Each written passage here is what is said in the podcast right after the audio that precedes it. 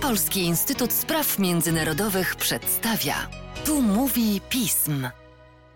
Podcaście Polskiego Instytutu Spraw Międzynarodowych witam Państwa bardzo serdecznie Łukasz Jasina. Dziś czwartek, święto dziękczynienia, daleko, daleko od nas w Stanach Zjednoczonych, więc troszeczkę sobie o nim porozmawiamy, a w szerszym kontekście, z naszymi analitykami Pawłem Markiewiczem, którego witam bardzo serdecznie, i Marią Piechowską, którą witam równie serdecznie. Dzień dobry. Witam. Zacznijmy od Pawła. Jest taka bardzo znana tradycja amerykańska dotycząca ułaskawienia indyków, ale samo święto dziękczynienia jest czymś bardzo znaczącym. My bardzo często w Polsce nie rozumiemy, że dla Amerykanów to jest chyba główne narodowe święto w ciągu całego roku, nie licząc politycznego święta 4 lipca. Skąd tak wielkie znaczenie tego święta?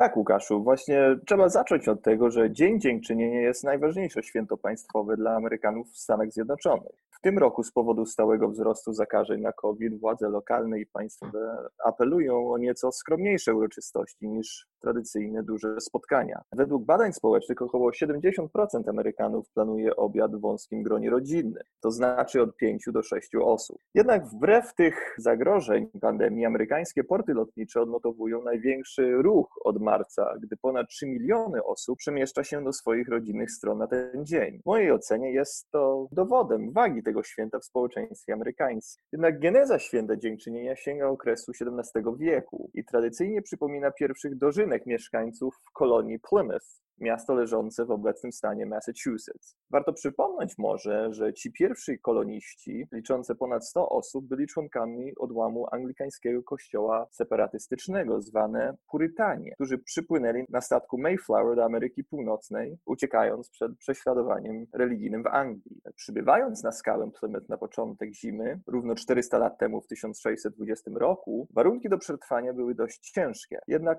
nawiązanie kontakty z rdzennymi Indianami Indianami plemienia Wampanoag pomogło tym Purytanom przetrwać ten trudny okres wbrew zgonu około połowy kolonistów. Ponieważ Purytanie były pobożnym ludem, to jako wotum wdzięczności za przetrwanie pierwszej zimy zorganizowali w 1621 roku dożynki z ucztą w towarzystwie Wampanoagu. Jednak warto podkreślić, że święto dziękczynienia wywołuje pewną krytykę dla części społeczeństwa, szczególnie wśród niektórych rdzennych Indianów, którzy uważają przybycie Purytanów do Ameryki Za początkiem to, co określają za historyczne ludobójstwo rdzennych plemion. Od lat 70. XX wieku ruchy rdzennych Indian protestują w Dzień Dziękczynienia na ulicach amerykańskich miast, między innymi Plymouth. Oczywiście amerykańskie święto dziękczynienia jest najbardziej kojarzone z tradycyjną ucztą, którą się szykuje w ten dzień. Jest to moim zdaniem unikalne odzwierciedlenie kultury amerykańskiej. Jednak obecna wersja tego obiadu niekoniecznie zbiega się z tym, co znajdowało się na stole purytanów Plymouth. Główna potrawa składa się z pieczonego indyka, ptak, który jest rdzennym mieszkańcem Ameryki Północnej. Chociaż Purytanie prawdopodobnie jedli pieczoną gęś lub kaczkę, tradycja spożycia indyka sięga do interpretacji wspomnień kolonisty Williama Bradforda, wydane w 1856 roku, kiedy w Stanach Zjednoczonych zyskał na popularności właśnie ruch społeczny dążący do ustanowienia Dzień Dziękczynienia świętem państwowym. Otóż Bradford kilkakrotnie pisał, jak koloniści polowali na indyki jesienią 1621 roku. Gdy prezydent Lincoln ustanowił święto dziękczynienia w 1863 roku, indyk stał się obowiązkowym daniem. Dodam tutaj, że z powodu pandemii planowane obiady w mniejszych gronach zwiększył się popyt na mniejsze indyki w tym roku. Według badań około 20% amerykańskich rodzin planuje przygotować indyka mniejszego niż 16 funtów, czyli około 7 kg. Dla rynku indyczego, warty około 4 miliardy dolarów rocznie i liczący na sprzedaż takich tradycyjnych dużych ptaków, w tym okresie, które ważą mniej więcej na ogół 9-10 kg zwyż, to może oznaczać stratę w zyskach nawet o 20%, gdyż nie były w stanie przerzucić swoje produkcje na hodowlę mniejszych ptaków w okresie letnim kiedy głównie obsługują zamówienia hurtowe na listopadowe święto. Jeszcze warto zwrócić uwagę na to, że oprócz głównego dania w kulinarnej popularności świątecznej zyskali przez lata tak zwane boczne potrawy, czyli dodatki do obiadu. Większość tych dań są przygotowane na podstawie sezonowych warzyw. Na przykład na stole Johna Smitha Znajdują się m.in. ziemniaki lub bataty przygotowane w różnej postaci, zapiekanki warzywne, np. z fasoli szparagowej lub marchwi, potrawa kukurydziana oraz tak zwany sos żurawinowy, czyli coś w konsystencji konfitury lub galaretki w zależności czy to jest podane na ciepło lub zimno. Unikalna potrawa, która się znajdowała na moim rodzinnym stole w Massachusetts było mięsno-warzywne nadzienie upieczone w indyku. Także w moim domu nie brakowało polskiego akcentu przy obiedzie, gdy na stole znajdowało się danie z kapusty, na przykład bigos chociażby. Natomiast na deser główną potrawą jest amerykański pie, czyli coś podobnego do pieczonej tarty na słodko.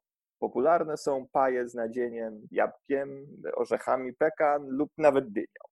Ciekawa sprawa. W Polsce ciągle mało wiemy o święcie dziękczynienia, ale to święto ma, i tu oddam głos Marysi. Powiedz mi, Mario Droga, dlaczego święto dziękczynienia tak bardzo nas interesuje z powodów politycznych? Chodzi o akt ułaskawienia indyka przez prezydenta. Czy to jest pusty gest, biorąc pod uwagę, że sam Paweł powiedział nam przed chwilą, że sam rynek indyczy jest wart 4 miliardy dolarów, czy też jakiś ważny społecznie zwyczaj, który ma pokazać odmienne podejście prezydentów Stanów Zjednoczonych, ich możliwość darowania życia, rządzenia tym życiem? życiem Jak to bywa z różnymi tradycjami, rytuałami, dokładnie nie jesteśmy w stanie powiedzieć, jakie jest ich źródło, natomiast rzeczywiście możemy zastanowić się, jak interpretować. I tutaj rytuał coroczny, to zawsze wydarza się kilka dni przed samym świętem dziękczynienia, rytuał ułaskawienia indyka przez prezydenta, no oczywiście można po prostu potraktować jako to jest takie symboliczne podkreślenie roli głowy państwa, jako tego, który panuje nad życią i śmiercią. No, w końcu w Stanach Zjednoczonych prezydent ma bardzo szerokie uprawnienia, więc to takie symboliczne podkreślenie tego, że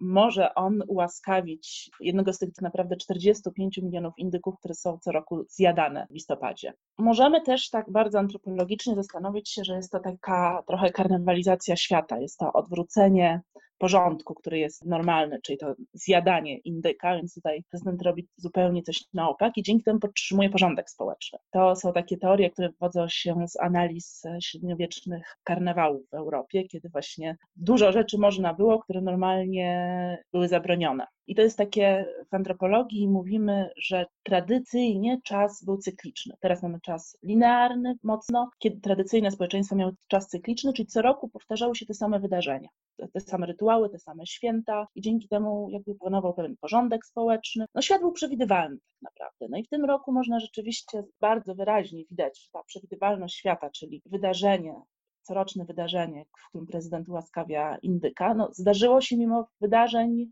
prawda, bardzo mocnych. No, mamy pandemię, mamy koniec e, epoki Trumpa, a przynajmniej jego prezydentury. I mimo tego właśnie, że on przegrał wybory, to on bardzo rzadko teraz pojawia się publicznie po, po wyborach, natomiast tutaj pojawił się, dokonał rytualnego ułaskawienia indyka. Świat toczy się dalej. Oczywiście możemy też po prostu potraktować to jako potrzebę zagłuszenia wyrzutów sumienia z powodu tych 45 milionów indyków, które zostaną zjedzone. W Polsce mamy taką akcję co roku wigilijną Uwolnić Karpia. W pewnym sensie można traktować, że jest to podobne, czyli po prostu takie trochę zagłuszanie wyrzutów sumienia z tego, że zjadamy tyle ryb, Amerykanie zjadają tyle ptaków.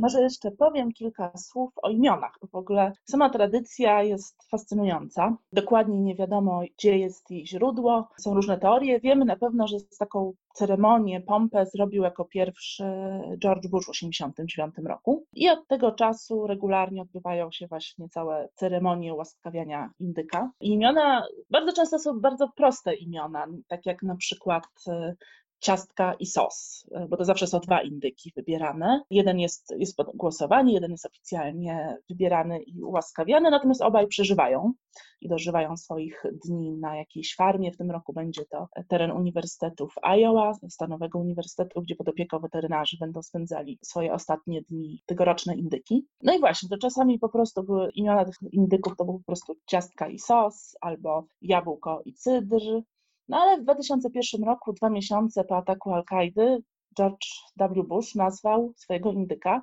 wolność, a nawet podwójne, bo oba indyki się tak nazywały. Jeden się nazywał Liberty, drugi się nazywał Freedom. I w ogóle Bush miał tendencję do nazywania tak bardzo poważnie swoich indyków. Było to na przykład Stars and Stripes, czyli odniesienie do flagi amerykańskiej. Prezydent Trump wybiera prostsze imiona. W tym roku była to kolba i kukurydza. Kukurydza wygrał głosowanie, więc został oficjalnie ułaskawiony. Ja jeszcze dodam do tego, co powiedział Paweł. Paweł powiedział, że średnio w tym roku indyk waży 7 kg, indyk, który znajduje się na amerykańskim stole. Kukurydza waży 19 kg, więc proszę sobie wyobrazić, jak wielki jest to ptak.